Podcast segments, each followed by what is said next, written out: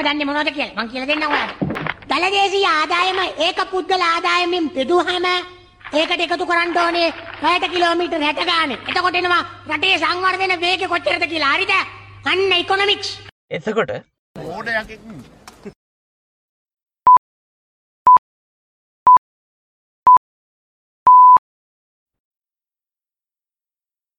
අයබෝන් අද දෙදස් විසියකේ නොවම්බර් විසිනාවනිද රට කරන හැටි පොඩ්කාස්ට් එකේ හැත්ත හැවැනි කොට සොත්ත එකකත හැමෝම වෙන්න දාගේම අදත් ආදරෙන් පිළිගන්න ඒවගේම තමයි පොඩ්කාස්ට් එක හැත්ත පස්සනි කොට සොත්ත එකතුරු අපිත් එක අදහස් පෙදාගත් හැමෝටමත් ගොඩක් ස්තුති කියලා කියන්න අද පොඩ්කාස්ට් එකෙන් අපි කතා කරන්නේ වීෆෝ ඇන්ඩටා කියන ෆිල්ම් එක් ගැන. ගොඩ දවසකින් ෆිල්ම් එකක් ගැන පොතක් ගැන කතා කරේ නැති හන්ද? අපි හිතුවාද ෆිල්ම් එකක් ගැන කතාකරුත් හොඳයි කියලා. මේ ෆිල්ම් එක ගොඩ කාලකින්දලා බලන්ඩ හිතාගෙන ඉඳපු ෆිල්ම් එකක්. මොක දෙක හොඳයි කියලා අහල තියෙන හන්ද? නමුත් මේ ළඟකදී යාළුවෙක් රෙකමෙන්ඩේෂන් එකක් නිසා ෆිල්ම් එක බලන්න හිතුව. ඉතිං ඒක ඒක බලල පිට හිතන්න දේ තමයි අද පොඩ්කාස්ට් එක විදිර කතා කරන්න හිතුවේ. මේ වීෆෝන්ඩටා කියන ෆිල්ම් එකට මුල් වෙන්නේ ඇල්ලන් මෝ කියන ලේඛකයා ලියපු වීෆෝ ඇන්ඩටා කියන නමෙන්ම ලියපු DC කොමික් එකක්. මෙයා මෙයාගේ ගොඩක් කතා දේශපාලනිකයි ගැන මාර්ම දේශපාලනිකයි. සුප හිරෝස්ල ගැන ලිවත් ඒකෙත් දේශපාලනික ටෝන් එකක් මේ කතාවල් වල තියෙනවා. ඉතිං මෙයා ඉප දෙන්නේ බ්‍රිතාන්නේ එතකොට බ්‍රිතාන්නේ එක කාලෙක අගමැතිනි වෙලා හිටි මාග්‍රත් රච ඇලන් මෝ කියල කියන්නේ ටිකක් වාමංශික අදහස් දරන මනුස්සෙක්. එතකොට එයා ඉන්න තැන ඉදලා මාග්‍රත් තචගේ අර අන්ත දක්ෂිනාංශික පාලනය විවේචනය කරන්න තමයි ඇලන්මෝ මේ කොමික් එක එක්දස් නොසි අස්සූ ගණන්වල මුලින්ම ලියන්නේ. එතකොට මේ කතාවේ ප්‍රධාන හතුර වෙන්නෙත් එතකොට මේ කොමික් එකේ වගේම ෆිල්ම් එකෙත් ප්‍රධාන හතුර ලියවිලා තියෙන්නේ මාග්‍ර තැච වගේ පාලකයෝ මුල් කරගෙන. ෆිල්ම් එකේදී ප්‍රධාන හතුරගෙනම ඇඩම් සට්ල කොමික් එකේදී ප්‍රධාන හතුරගෙනම ඇඩම් සුසන් මේ කතාවල් දෙකම දෙකේම පොඩි පොඩි වෙනස්කන් තියෙන අපි මුලින්ම බලමු බොහොම සරලව. එකන්නේ කතාව අවසානය ගැන කතා කරන්න යන්න නැතුව පොඩ්ඩක් පසුබිම මොකක්ද මේක සිද්ධ වෙන්න මොකක්ද කියලා බොහොම සරල විදිහට මුලින්ම අපි බලලි දැන් මේ කොමික් එක සිදුවීම් ටික සිද්ධ වෙන්නේ එක්දස් නවසි අස්සූ හත්තේ විතර. මුළු ලෝකෙම විශාල නැෂ්ටික අර්බුදයකට මූුණ දෙනවා. එතකොට නෂ්ටික අර්බුදයක්ත් එක්ක කෑම ප්‍රශ්නයනවා සමාජ ගැටලුවෙනවා හරිත් නිකං අද වෙනකොට මේ බ්‍රිතාන්යේ ඇවිල්ලා තියෙන බ්‍රෙක්සිට් එක් ඇවිල්ල තියෙන ප්‍රශ්න වගේ මේ නැෂ්ටිකර්බුදත් එක්ක ඒ වෙලාවේ එංගලන්තට ප්‍රශ්න නො මේ කතාවෙදි බ්‍රිතාන්‍ය නෙවෙයි මුලික තැනන්නේ බ්‍රිතාන්‍ය කොටසක් වෙන එංගලන්තේ. එතකොට ඉතින් ඒහෙම ප්‍රශ්නයනකොට එංගලන්තේ ජීවත්වන මිනිස්සු කොමික් එකේදී සුළුතරේ ඉන්න මිනිස්සුන්ට ඒගැන්නේ ගේ මිනිස්සුන්ට සුදු සුදුපාට හමක් නැති මිනිස්සුන්ට කතෝලික නොවන මිනිස්සුන්ට මේ වගේ වෙනස් මිනිස්සුන්ට ගහන්ඩ බයින්ට හදනවා. ඒ මිනිස්සුම මරන්න හදනවා. එතකොට ඒකෙන් එකනේ ප්‍රශ්නවලට මුල වෙනස් පිටිං ආපු මිනිස්සු හෙමනැත්තං සුළුතර ඉන්න මිනිස්සු කියලා මතයක් සමාජය ඇතුළේ ඇතිවෙනවා ඒ ඒක කරන්නේ මිනිස්සුමයි. මේ අස්ථාවර බව මුල් කරගෙන නෝස් ෆය කියල සංවිධානයක් ඒ රටේ බලටන මේ නෝස් ෆයි කියන සංවිධානය හරිනික මුසලෝනිගේ දෙවැනි ලෝකෙද තිබ්බ පාලනයට ගොඩක් සමානයි. දැ මේගොල්ලෝ බලයඩාවට පස්සේ සමාජ ඇතුළ තියෙනනේ මේ තමන්ට වැඩි වෙනස් මිනිස්සුන් තමයි මේ ප්‍රශ්න ඔක්කොටම මුල කියලා කියන වටපිටාව. අර පක්ෂය බලයට ඇවිල්ලා එතකොට මිනිස්සුන්ට කියෙන ඔගොල්ලන්ට ආරක්ෂාව ඔන්නම් ඕගොල්ලන්ගේ අයිතීන් ටික අපිට දෙන්න කියලා. එකොට ආරක්ෂා වෙනුවට මිනිස්සු වියදන් කරන්නේ. පාවා දෙන්නයාගේ තමන්ගේ නිදහස්. එකොළන්ගේ අයිතින්ටි ෆිල්ම් එකේදී න්‍යෂ්ටික ප්‍රහාරයක් වෙනුවට එංගලන්තය ඇතුළේ බ්‍රිතාන්‍ය ඇතුළේ වෛරස්ස එකක් හැදෙන එක එකැනේ වතුරවලට වෛරසයක් ඇතුල් වෙලා ඒක බොන්න ළමයි. එතකොට ටවුන් එකක මිනිස්සු ටිකක් එහෙමහෙම අසූදහක් විතර මිනිස්සු මැරෙන මතක තිර මේ ෆිල්ම් එකේ සිද්ධිය සිද්ධ වෙන්නේ දෙදස් විසි හතේ ෆිල්ම් එකෙන්නේ දෙදස් පහේ. සිද්ධිය සිද්ධ වෙන්නේ දෙදස් විසි හත එතකොට ඒකෙදිත් අපිට හිතාගට සිද්ධන දේ තමයි මේ ප්‍රශ්නත් එක්ක මහා බ්‍රිතාන්‍ය වෙන් වෙලා එංගලන්තේ ආයි වෙනම කොටසක් වෙන එතකොට එංගලන්ත පාලක හැටිට තමයි ඇඩම් සටල බලයට එන්න කෙන එයත් මෙතැන්දී අර සමාජයේ තමන්ගේ ප්‍රශ්නවලට මුල හැටියට අර මිනිස්සුන්ම පෙන්න්නන්නේ නැහැ.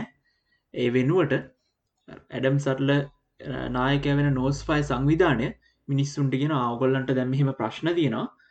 මේ ප්‍රශ්නවලට හේතුව අර මිනිස්සු කියලා පාලක පක්ෂය පාලනයට එන්ඩ හදන පක්ෂය පෙන්න්න එතකොට එකොල්ලෝ අර්බුදයක් නිර්මාණය කරන කොමික් එක අර්බුදයක් තියෙනවා. ඉතින් කොහොම හරි අර්බුදයක් නිර්මාණය කරලා මේකොළු බලයටනවා බලයට ඇවිල්ලා කොමික් එකේ වගේම ෆිල්ම් එකේදීත් පාලක පක්ෂගෙන අපිට ආරක්ෂාව අපි ආරක්ෂාව දෙන්නම් එවනොට ඔගොල්ලන්ගේ සම්පූර්ණ කීකරු බව අපිට දෙන්නයි කියලා. සේෆ්ටිෆෝ කම්පලිට් ඔබිඩියන්ස් වගේ හෙමනිකක් අදහසක් මේ මේ සංවිධානය මිනිස්සුන්ට අඟවන එතකොට සමහරක් මිනිස්සු මේකට විරුද්ධ ෆිල්ම් එකේති පෙන්න්නන උද්ඝෝෂණ කරනවා රණ්ඩු කරනවා. ඇතිදි මිනිස්සු මැරෙනවා. ඒ උද්ඝෝෂණවලට යන්න මිනිස්සුන්ව කොට ගේ මිනිස්සුන් සුදුපාට හමක් නැති මිනිස්සුන්ව වද කඳුරු තිබ්බේ. නාසි පාලනය යට තේවගේ කඳරුවලට රංගිල්ල ඒගොල්ලන්ගේ එක එක විදිහ පරීක්ෂණ කරන ඒගොල්ලංව ජීවායුධ බවට පත් කරන්න. ඉතිං මේ තැන් දෙකේදිම පාලනයන්ට විරුද්ධ නැගීන්නවා ගයිෆෝක්ස් වෙස්මූනක් දාගත්ත ත්‍රස්තවාදී ඇත්තටම ගයිෆෝක්ස් කියන පුද්ගලයා ඒ වෙස්මූන හැදිලා තියෙන පුද්ගලයා සහරන් වගේ සහරන් ඉස්ලාම්මාගම මේ ගයිෆෝක්ස් කියන පුද්ගලයා කතෝලිකාගම ආගමික ත්‍රස්තවාදියෙක්. නමුත් අද වෙනකොට එංගලන්තෙන් පිට මෙයා ජනප්‍රිය වෙලා ඉන්නේ විප්ලවේ මූුණක් හැටියට විප්ලවේ සලකුණක් හැටියට. ඒකන් තමයි අර ඇනොනිමස් කියන සංවිධානයේ වෙස්මූුණ හැටියට සලකුණ හැටියට ඒගොල්ලොත් මේ ගයිෆෝක්ස් වෙස්මූුණ පාවිච්චි කරන්නේ. සමහරක්කට ඇතැන්දී ඒගොල්ලො වෙස්මූුණේ ඇත්ත තේරුම දන්න ඇති වෙන්න පුළුවන්. තකොට ඇලන්මෝ මේ කතාව ලියන කොටත් එයටත් ඇත් මේක හරි තේරුම නොදැන ලිවන්න පුළ හෙමනැත්තන් හරි තේරුම දැනගෙන ඒක යම් මොකක් හරි පණිවිඩයක් දෙන්ඩ හිතාගෙන වෙස්මුණ ඕනකමින් දැම් වෙන්ඩ පුළුව කොහොමරි ගයිෆෝක්ස් ගැන පොඩි හැඳින්වීමක් කරොත් මෙයා පොඩි කාලේ තාත්ත වැරණ එතකොට අම්මයි අම්මගේ අලු හස්බනු එක්ක මෙයා යුරෝපට යන යුරෝපෙදි මුළු පවුලම කතෝලිකාගමට හැරන මැත් කතෝලිකාගමට හැරිලා එක සංවිධානයකට සම්බන්ධනවා ඒ අත්තරේ එංගලන්තේ රජ්ජුරුවන්ගේ පාලනය හන්දා. ඒ වෙනකොට එංගලන්තේ ක්‍රිස්තියානි ආගමය වෙන ප්‍රොටෙස්ටන් කට්ටියක් බලඉන්න එම වටපිටාවක් තියෙන එතකොට ඒක හන්ද ගයිෆෝක්සයි එංගලන්තෙරෙන ඒකට විරුද්ධ කැරලිගහන් මේ දස් පන්සී ගණන්වල එතකොට මේ ගොල්ලන් ගහන මේගොලො හන කැරල්ලෙ මූලිකම අරමුණක් වෙන්නේ පාර්ලිමේන්තුව විනාශ කරන එතකොට ඒකෙදී පාර්ලිමින්තුව පුපුරෝණ වැඩේ බාර වෙන්නේ මේ ගයිෆෝක්ස් කියන මනුස්සයට. ඔය අද ෆිල්ම් එකේ පාවිච්චි වෙන වෙස්මුණ දාගෙන පාර්ලිමේන්තුව යට තියෙන උමගකට ගිහිල්ලා වැඩිබෙත් තියාගෙන හැංගිලා ඉන්න පාර්ලිමෙන්තුව පුපුරන්ට එවනාට මේක ආරංචි වෙලා ඔත්තුවක් කරහා හමුදාව ගිහිල්ල මේ මනුස්සයව අල්ලගන්න තෙන්දී මෙයා අල්ලගත්තර පස්සේ මෙයා ප්‍රශ්න කරලා වදදීල ඒ කැරල්ල මැඩ පවත්වන කොහොමුණත් එතකොට පාර්ලිමෙන්තුව පුපුරහරින් හම් වෙන්න එහෙම තමයි මේ මේ ගයිෆෝක්ස් කියනේ මනුස්සය ජනප්‍රිය වෙන්නේ. තොට යාගේ වෙස්මුණත් ඒක හන්ද ජනප්‍රියනවා මේ සිද්ධිය පාර්ලිමිතු පුරාරින්න යන්නේ නොවම්බර් පස්වනිද පුපුරවාහරින්ට යන එකට. ඒ පුපුරවාරින්ට උත්සාහ කරපු එක. එතකොට ඒ මනුස්්‍යාව අල්ලගත්ත එක එංගලන්තේ මිනිස්සු නොවමර් පස්වනිද සමරනවා. ඒකට මේ ගයිෆෝක්ස් පිල් හොල්මනක් හදලා ඒක නම්බර පස්සනිදට එංගලන්ත මිනිසු ගිනි තියෙන ඒක දැන් වෙනකොට ටිකක් වෙනස් වෙලා වෙනම අර්ථයක් තියෙන සම්ප්‍රදායක් හැටියට පත් වෙලා තියෙන ඉතින් ඒ වගේ මනුස්සෙක් තමයි ගයි ෆෝක්ස් කියල ගැන එතකොට ගයි ෆෝක්ස්ගේ වෙස්මූනක් දාගෙන වී කියන චරිතය මේ කතාවෙදි අර රජයට විරුද්ධ සටන් කරනවා. කොහොමුණත් මේ වෙස්මූුණ දාගත්ත මනුස්සයට එක දසක් රෑකදී එ මේනකොට එංගලන්තේ රෑට සච්චරණ සීමවල් දාලා තියෙනවා. ඒ රෑ පාරයන්න කාන්තාවක් හම්බෙන ඊවි කියලා. එතකොට ඊව රහස් පොලිසින් අල්ලගෙන අන්ඩ හදනකොට වී ඇවිල්ල ඒවිව බේරගන්න එතෙන්දී ඉරපස්සේ දෙන්න මේ රජයට විරුද්ධ වැඩ කරන්නේ කොහොමද කියන කතාව තමයි මේ කොමික් එකයි ෆිල්ම් එකයි පෙන්න්න තිං එතනින් එහාට අපි වැඩිය විස්තරවලට යන්න ඇතුවීම මොකද මේක පලනි පාර බලන කට්ටියටත් ෆ්‍රෙශ්ගේ ඉහිල්ල මේක බලන්ඩෝනි හන්ද? එක තියෙන අදහස් අලුතෙන් කණ්ඩෝනි හන්ද? කොමරි කොමික් එකේදී ඇලන් මෝ පෙන්න්නන්නේ රජයයි ත්‍රස්තවාදී අතරේ කැටුමක් එතකොට එතෙන්දී රජය ෆැසිස්ටවාදී පාලනයක්. ත්‍රස්තවාදිය නියෝජනය කරන්නේ ඇනාකිසම් කියන මතේ තකොට ෆැසිස්ටවාදය කියල කියන්නේ මුසරෝණි වගේ පාලකැන්ගෙ තියෙන ඒකාධිපති ජාතිවාදී එහෙම අදහස.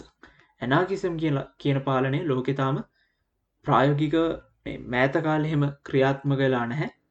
එතෙන්දී නිකං රජයක් නැති මිනිස්සු තමන්වම පාලනය කරගන්න රටක් තම එතන තියෙන් ඉතින් ඒක ප්‍රායගක නැතිවෙන්නේ රජයක් නැතුනහම නීතියක් නෑ නීතියක් නැතිවුණම් පොලිසියක් නෑ එතකොට ඒ නීති ආරක්ෂා කරන්නෙත් මිනිස්සුම තමයි එතෙන්දී.